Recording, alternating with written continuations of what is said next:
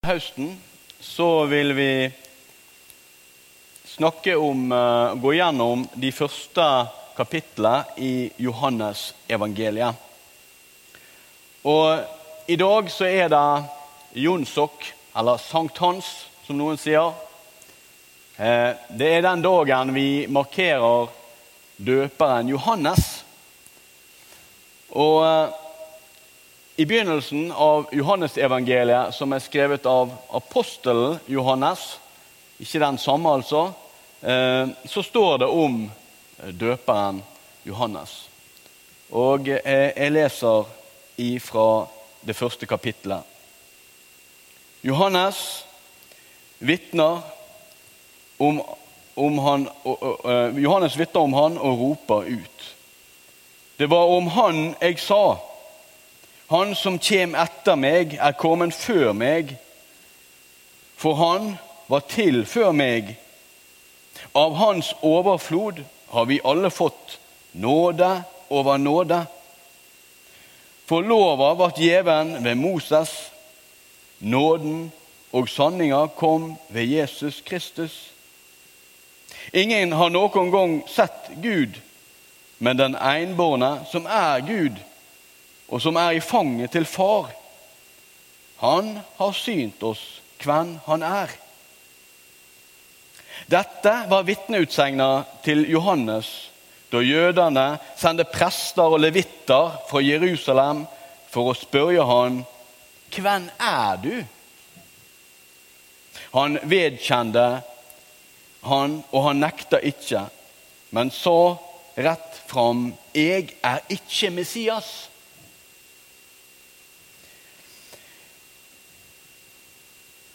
Hvem er du da? spurte de. Er du Elia? Nei, det er jeg ikke, svarer han. Er du profeten? Nei, sa han. Si oss da hvem du er, sa de, så vi kan ha et svar til de som har sendt oss. Hva sier du om deg sjøl? Han sa, Jeg er ei røyst som roper i øydemarka. Gjør Herrens veg bein som profeten Jesaja har sagt. Noen av de som var utsendte, var fariseere, og de spurte hvorfor døyper du da, når du ikke er Messias og heller ikke Elias eller profeten? Johannes svarer, jeg døyper med vann. Men midt imellom dykk står en som de ikke kjenner. Han som kommer etter meg, han som jeg ikke er verdig til å løse skoreima til. Dette hendte i Betania, på den andre sida av Jordan, der Johannes var og døypte. Slik lyder Herrens ord.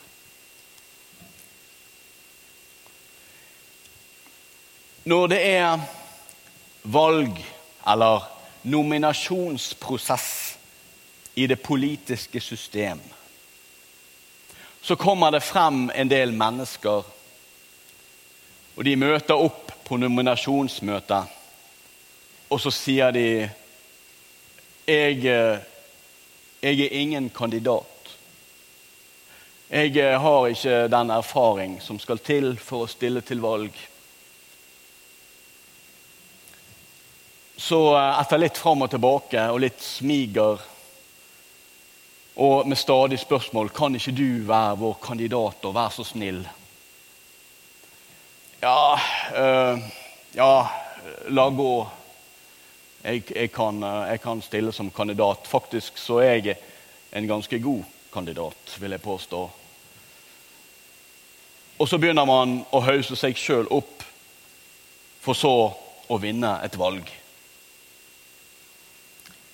Det artige er at Johannes døperen han gjorde det stikk motsatte. Han hauset egentlig opp veldig mye. Han ropte så høyt at det runget fra ødemarken og inn til maktens sentrum. Så, ropt, så høyt ropte han Johannes at det skapte eh, uro, Folk strømte til han. De vendte om fra sine gamle liv, lot seg døpe og ville gå en ny retning med Gud. Johannes han var der oppe, han. De snakket om han i tempelet. De snakket om han i slottene, i maktens korridorer. Og når da maktens, ja, det religiøse maktens utsendinger kommer og spør er du vår kandidat. Å, de lengtet etter en kandidat. En som kunne frelse dem. Kanskje en Messias var det snakk om. Kanskje Elia. Hvem er Elia? Det står at i, i, i Malaki-boken, den siste boken i Det gamle testamentet, står det kapittel 4. Se, jeg sender profeten Elia til dykk før Herrens dag kjem, den store, skremmende. Og de visste om at Elia han døde ikke en naturlig død. Han ble tatt opp til himmelen. Han skulle komme igjen. Er du Elia? Kan du redde oss? Nei, jeg er ikke kandidaten som du vil ha. Ja, men er du profeten, da? Han som skulle være sånn som Moses. Nei, jeg er ikke den nye Moses. Jeg skal ikke føre dere ut fra trengsel. Hvem er du, da? Jeg peker på en som er større enn meg. Jeg er ikke kandidaten jeg snakker om kandidaten. Jeg snakker om Messias, frelseren. Han ropte høyt der ute. Et fint bilde på hvordan Johannes opererte. Når det kommer eh, konger, eh, det kommer statsmenn på besøk så blir de kjørt i en bilkortesje. En flott bil. Men foran denne bilen så er det nei, sånne politimotorsykler og politibiler. De har sirener, og de får folk til å flytte seg unna, sånn at kongen og presidenten kan kjøre frem. Johannes døperen kom med fulle sirener på. Han ropte høyt. Han ville rede grunnen for Jesus. Og han ofret livet sitt for å gjøre dette.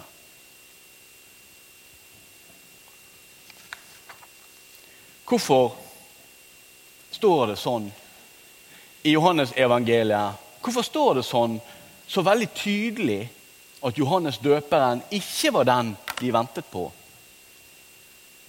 Jo, det gjorde det. Fordi at på Johannes sin tid så var det fortsatt mennesker som ikke forlot Johannes når han pekte på Jesus.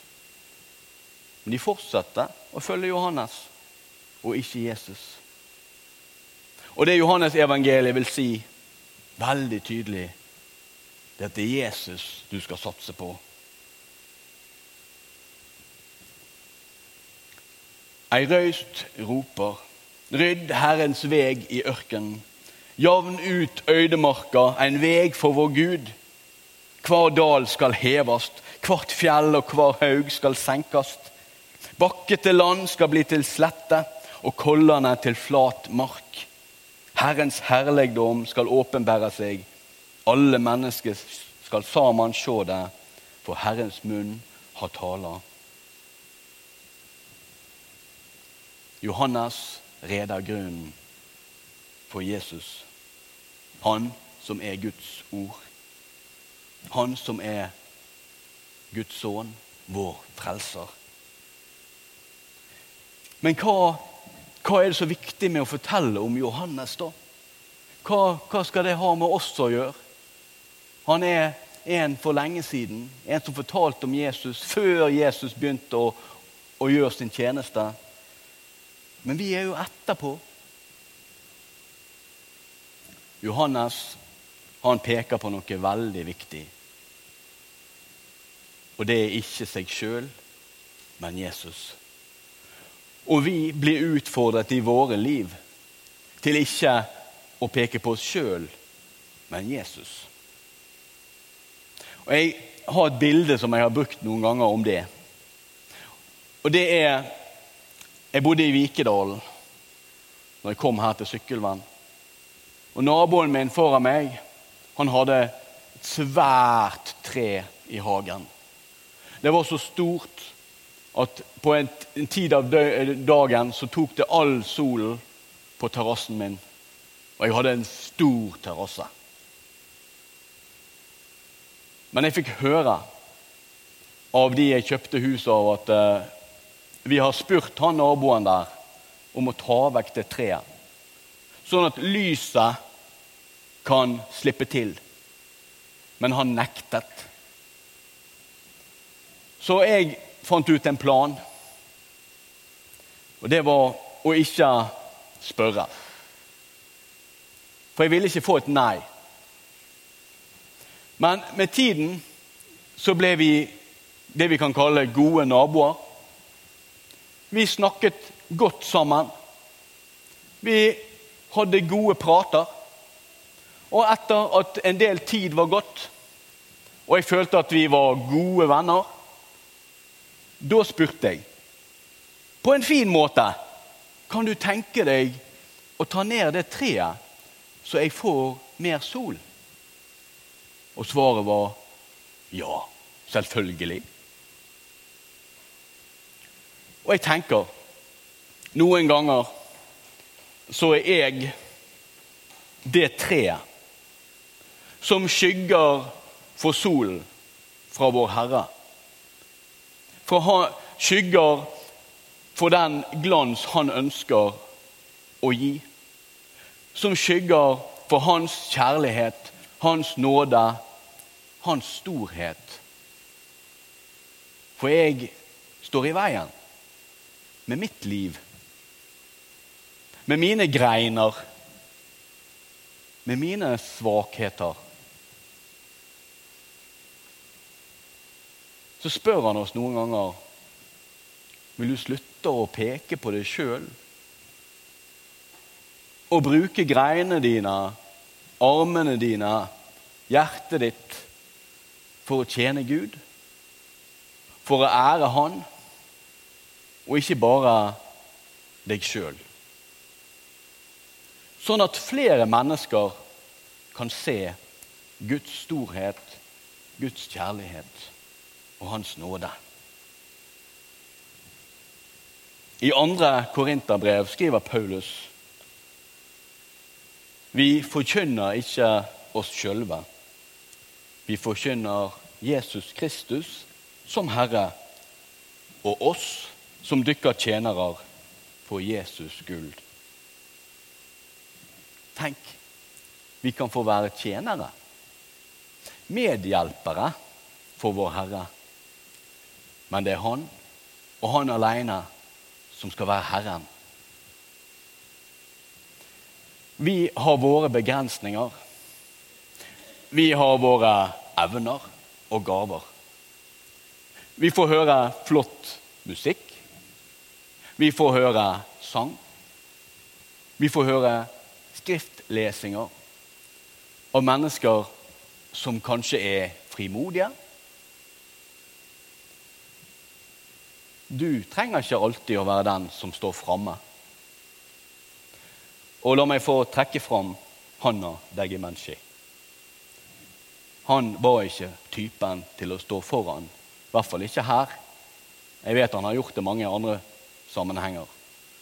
Men han tjente med kirkekaffe søndag etter søndag etter søndag uten å gjøre et stort nummer av seg sjøl han lot Guds lys skinne der han var, med den tjeneste han hadde. Og det er utfordringen til oss alle. Med det vi har og de vi er, kan vi gjøre rede grunn. Ikke alle av oss er sirenetyper, men noen av oss er kanskje grøftefolk som liker å, å rydde litt i veikanten. Jesus kaller deg og meg, og Johannes døperen minner oss om at det er verdt å kjempe for. La Guds ord skinne der du er, gjennom ditt liv. Ære være Faderen og Sønnen og Den hellige ande, som er og blir og være skal, en sann Gud fra evig og til evig. Amen.